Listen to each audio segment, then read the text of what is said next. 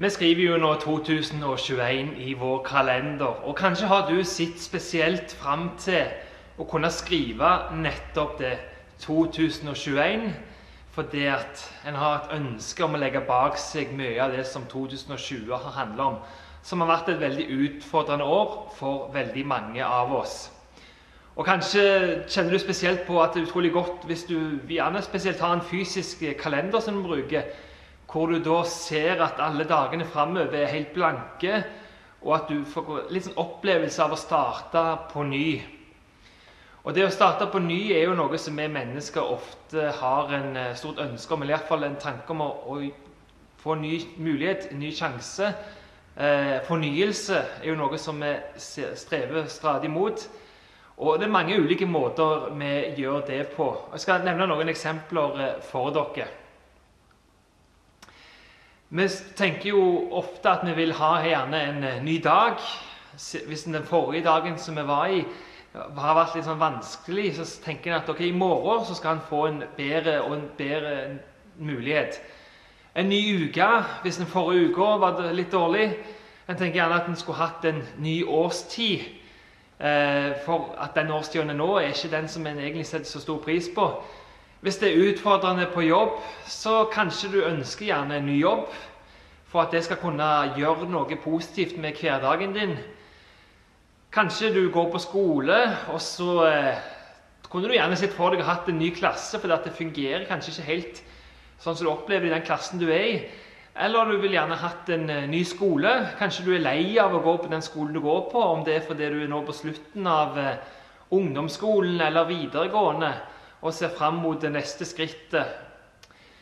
Kanskje har du lyst på en ny kjæreste, tenker du av og til, for det er litt sånn uh, ja, Det skulle vært en litt fornyelse i, i kjærlighetslivet å tenke at ja, en ny kjæreste kunne kanskje ha, ha fiksa det. Eh, kanskje du er misfornøyd med det som skjer i landet her eller i andre land, og tenker ja, en ny regjering skulle vi hatt for å kunne fikse situasjonen, sånn at vi får en, en ny giv. Og kanskje du, eh, ja, til og med òg i kirka, tenker at ja, jeg skulle gjerne hatt en ny pastor. Det kunne sikkert ha ordna ting til det bedre enn sånn som det er nå. Så det er veldig mange ulike ting som vi gjerne tenker at vi skulle hatt noe nytt. Og du har jo den gamle norske visesangen 'Du skal få en dag i morgen', som handler om at en skal oppleve å starte med nye, blanke ark når en er kommet til en ny dag. Så nytt er jo ofte noe som vi forbinder med noe positivt. Samtidig så vil vi jo gjerne ha med oss ikke bare nye ting. Nye, bare nye ting kan være veldig krevende. Og dette året som har vært nå, har jo vært krevende for veldig mange av oss, nettopp fordi at veldig mye har måttet vært nytt hele tida. Hvis du tenker på sånn som dere har feira jul og nyttår nå, så har jo noe av det, det er jo noe av det en gleder seg til, jul-nyttår. Og da er det gjerne fordi en har gode minner fra tidligere jul og nyttår. Ting en gjerne vil ha opplevd før, som en gjerne har lyst til å gjenoppleve på ny. Middager en har hatt, smaker som en har lyst til å oppleve nok en gang. Og Hvis en ikke får muligheten til det, ja, da er det ikke så greit. Det kan jo være en diskusjon i noen hus, kanskje, hvis en har en forventning og en tradisjon for å spise pinnekjøtt. Og så er du kommet inn i familie hvor de spiser noe helt annet.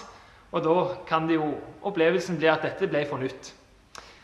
Så en vil jo ha med seg noe av det som har vært. Alt må ikke bli nytt, for det blir utrolig slitsomt. Og det har nok vært slitsomt med alt det som har vært nytt dette året. Når du har måttet arrangere bursdager, kanskje konfirmasjon, disse her eh, samlingene rundt jul og nyttår Det at vi måtte tenke så mye nytt rundt så mye, utrolig slitsomt i lengden. Så vi mennesker vi trenger noen faste holdepunkt. Altså det at vi vet at uh, vi har ei fast uke eksempel, som går fra mandag til søndag, og så begynner du sånn sett på ny. Du har et årstider som kommer tilbake igjen. Uh, du har bursdager. Du har mange sånne gjentagende ting som en orienterer livet rundt. Og Det er noe av det som gjør det greit å leve. For hvis alt hele tida skulle være nytt, så blir det utrolig slitsomt. Og jeg tror også sånn sett at noe av det som en ser mest fram til i 2021, og håper på iallfall, det at mye av det som var før, at det skal komme tilbake igjen til ting som det var. Det er jo det en ofte har sagt gjennom 2020, at en ser fram til, til sånn som det var før en kom i denne koronapandemien som har påvirka livene våre så utrolig mye. Men vi skriver 2021 på kalenderen. Og hvorfor gjør vi akkurat 2021? For det er jo ikke sånn at verden og eh, Eller oss mennesker At vi begynte å eksistere i 2021.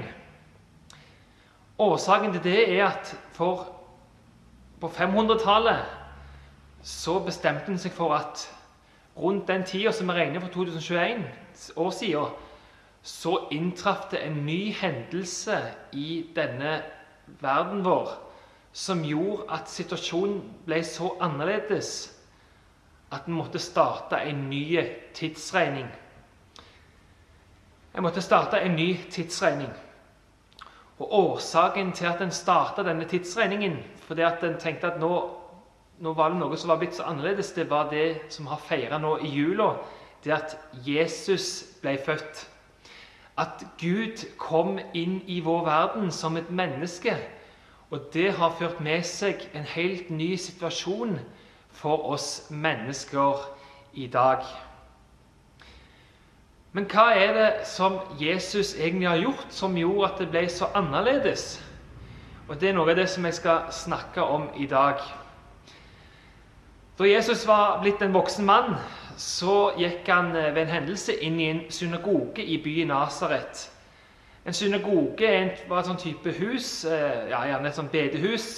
Ikke sikkert så mange som vet hva det heller er nå lenger, men eh, eller type, litt, som, kanskje, litt som i kirka, kanskje, hvor en møttes for å lese fra hellige skrifter om, om Gud, og be sammen til Gud synge sammen og bygge hverandre opp og undervise hverandre om Gud. Og denne dagen når Jesus kom til denne eh, synagogen i Nasaret, så var det hans tur til å få lese for de andre. Og Da valgte Jesus å lese fra en skriftrull etter profeten Jesaja. En profet var jo en person som hadde fått et uh, viktig oppdrag fra Gud om å si noe viktig inn i gitte og bestemte situasjoner.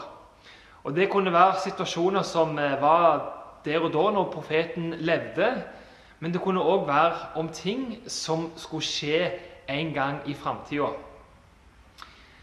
Når eh, Jesus leser fra profeten Jesajas bok, så har Jesaja vært død i mange hundre år. Så dette var for lenge siden at eh, Jesaja hadde sagt det som nå var skrevet ned, og som Jesus nå skulle lese om.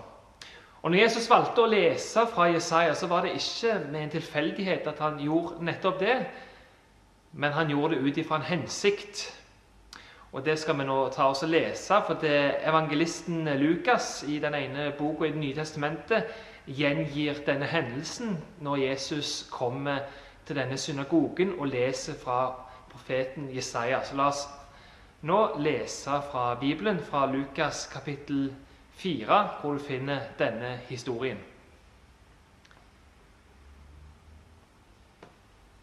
I åndens kraft vendte Jesus tilbake til Galilea, og ryktet om han spredte seg over hele området. Han underviste i synagogene og fikk lovord av alle. Han kom også til Nasaret, hvor han vokst, var vokst opp, og på sabbaten gikk han inn i synagogen slik han pleide. Da han reiste seg for å lese, rakte de ham profeten Jesajas bok. Han åpnet bokrullen og fant stedet der det står skrevet Herrens ånd er over meg, for han har salvet meg til å forkynne et godt budskap for fattige. Han har sendt meg for å rope ut at fanger skal få frihet, og blinde få synet igjen, for å sette undertrykte fri og rope ut et nådens år fra Herren. Så rullet han bokrullen sammen, rakte den til synagogetjeneren og satte seg. Alle i synagogen stirret spent på ham, og han begynte da med å si:" I dag er dette skriftordet blitt oppfylt mens dere hørte på. Alle roste ham og undret seg over nådeordene som kom fra hans munn. Er ikke dette Josefs sønn? spurte de.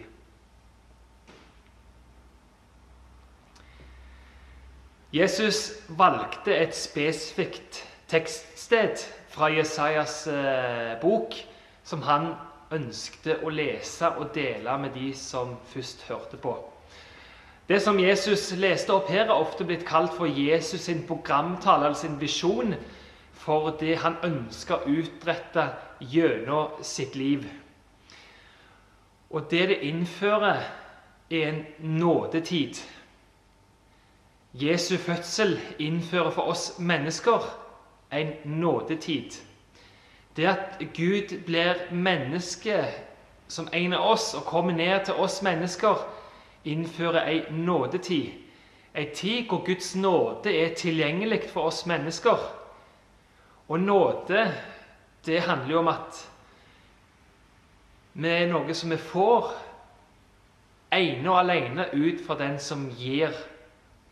Nåde er ikke noe som vi er ikke etter fortjeneste, det er ikke etter prestasjon, men det er kun ut ifra en utrolig god godhet fra den giveren som gir nåde.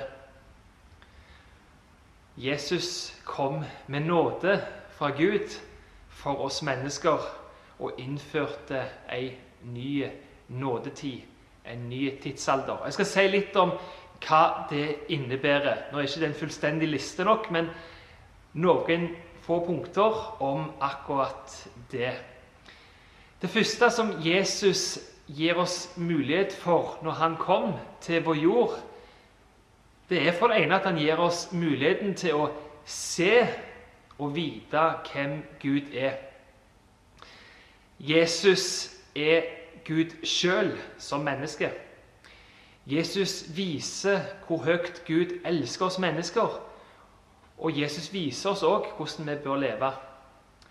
Og Gjennom alt dette her så gir Jesus oss mulighet for fellesskap med Gud. For det at et fellesskap med Jesus er fellesskap med Gud.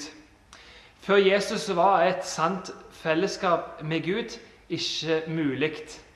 Jesus er den eneste som kan gi oss et sant fellesskap med vår Gud i himmelen. Og, Gud, og Jesus gir oss òg, ved å ta imot dette fellesskapet, han gir oss en ny status.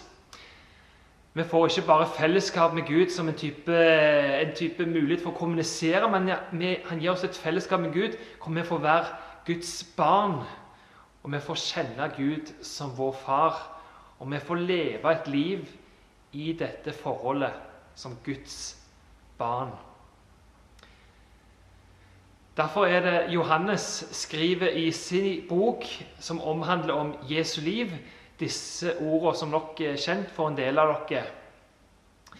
Ingen har noen gang sett Gud, men den enbårne som er Gud, og som er i Fars favn, han har vist oss hvem han er. Det andre som Jesus gir oss, og som denne nådetiden gir oss del i, det er mulighet for et nytt liv. For det som Jesus siterte fra profeten Jesaja, så handler det veldig mye om å gi mennesker et nytt liv. Fanger skal få frihet. Blinde blir seende. Og gjennom hele Jesu liv, når han gikk på jorda, så handla hans hans virke om å møte mennesker og gi mennesker et møte som ikke bare var et sånt hei-møte, men det var et møte som forandra livene til de som Jesus møtte. Og Spesielt gjorde Jesus det for de som hadde en lav status, de som lå nede. De som gjerne ikke var regna med av andre mennesker. De tok Jesus og så. Og det å se et annet menneske har utrolig stor betydning, og det kan forandre en hel hverdag. Det å få oppleve å bli sitt.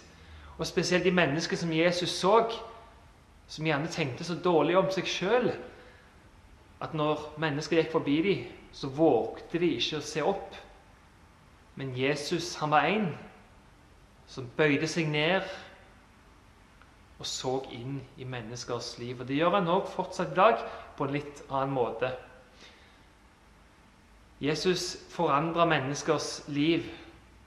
Og en som han forandra livet til, en som heter Paulus, som egentlig var en motstander Eller ikke egentlig, men han var en veldig sterk motstander av kristne. Han trodde absolutt ikke at Jesus var den han sa han var, at han var Guds sønn. Og han prøvde egentlig å få bli kvitt de kristne. Men på en reise så opplevde Paulus sjøl å bli forandra. Han fikk et møte med Jesus, og det forandra han. Det gjorde noe helt nytt med han. Og Derfor skriver Paulus om dette her i et eh, brev til en gruppe kristne i Korint om betydningen av det å være en kristen. En kristen handler ikke om å ha en type tanker i hodet, men det handler om å få del i noe helt nytt og få et nytt liv. Så Derfor skriver Paulus i sitt brev til korinterne Den som er i Kristus, er en ny skapning. Det gamle er borte. Se, det nye er blitt til. Som kristen så får en en helt ny identitet. En blir ny. En eh, blir en ny skapning, som Paulus eh, sa. Det nye er, er, gjør noe med en, gjør noe med en inni som menneske. En får nye prioriteringer. En får en ny måte å se seg sjøl på og å se livet på. Og Forfatteren av Narnia-bøkene, C.S. Lewis, han sier selv at det å være en kristen det ga en helt ny måte å se livet på. Det er akkurat som du fikk en helt uh, nye type briller eller uh, linser, sånn som jeg har, som gjør at uh, livet blir sett på en helt annen måte. Hvis jeg tar av meg linsene, så ser jeg alt ekstremt uskarpt. Men når jeg får linsene på, så ser jeg alt skarpt.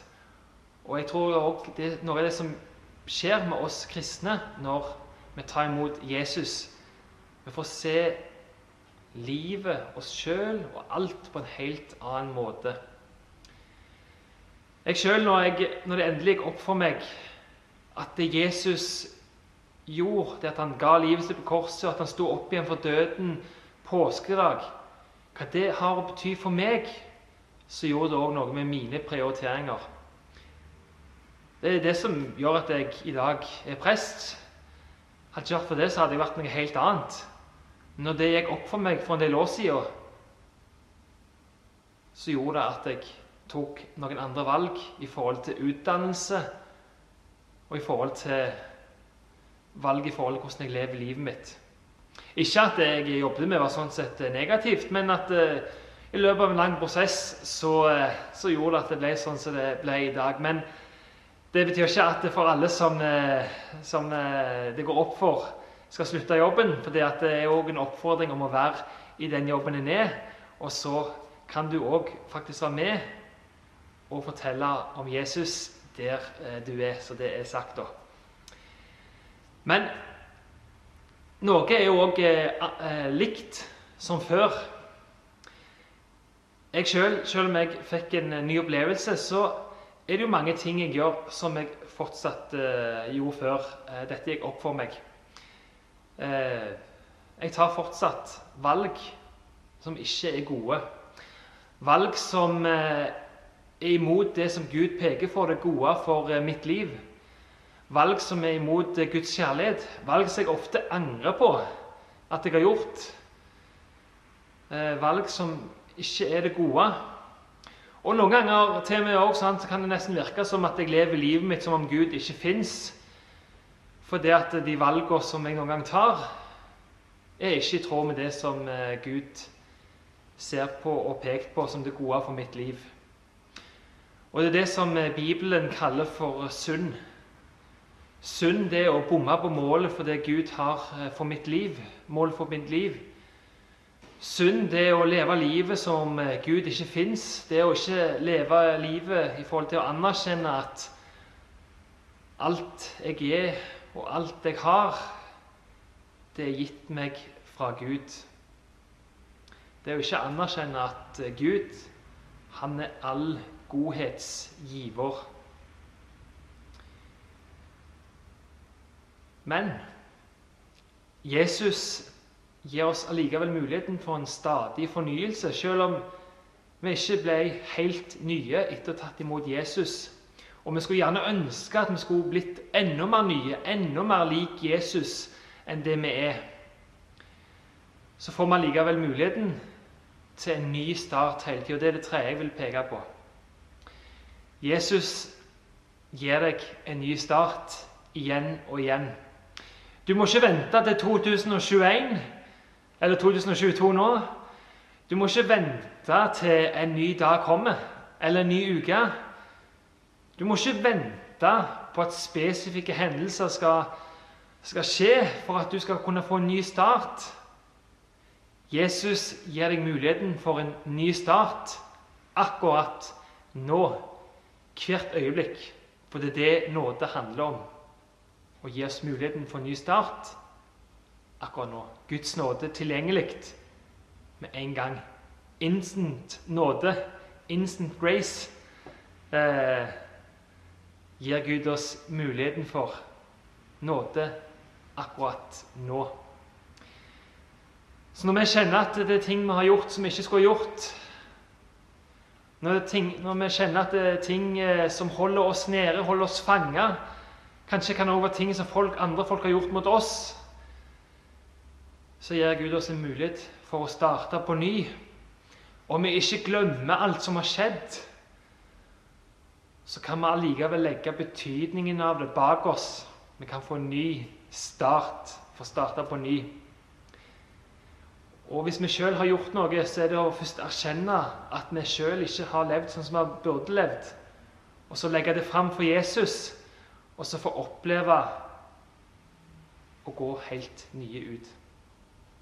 Derfor skriver Johannes i et brev om betydningen av å starte på ny, som jeg vil ta lese fra.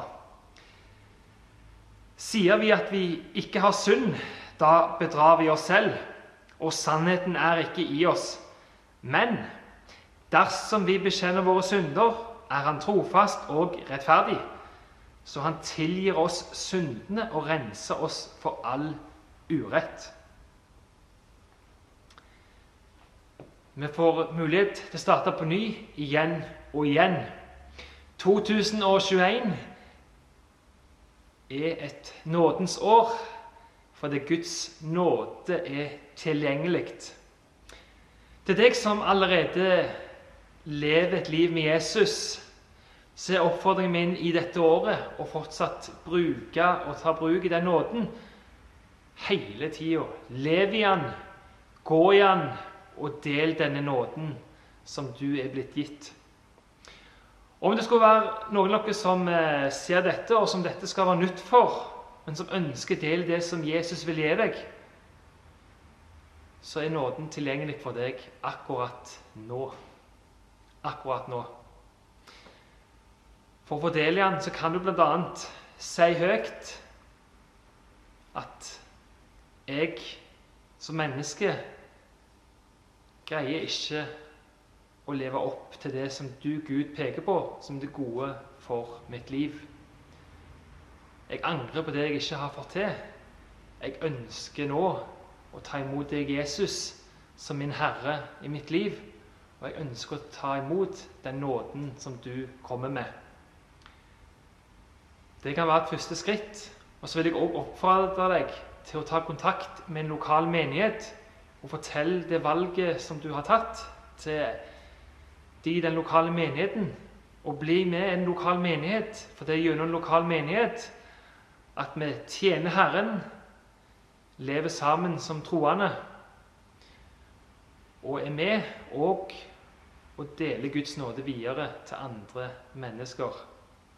Så jeg ønsker deg et godt, nytt nådens år.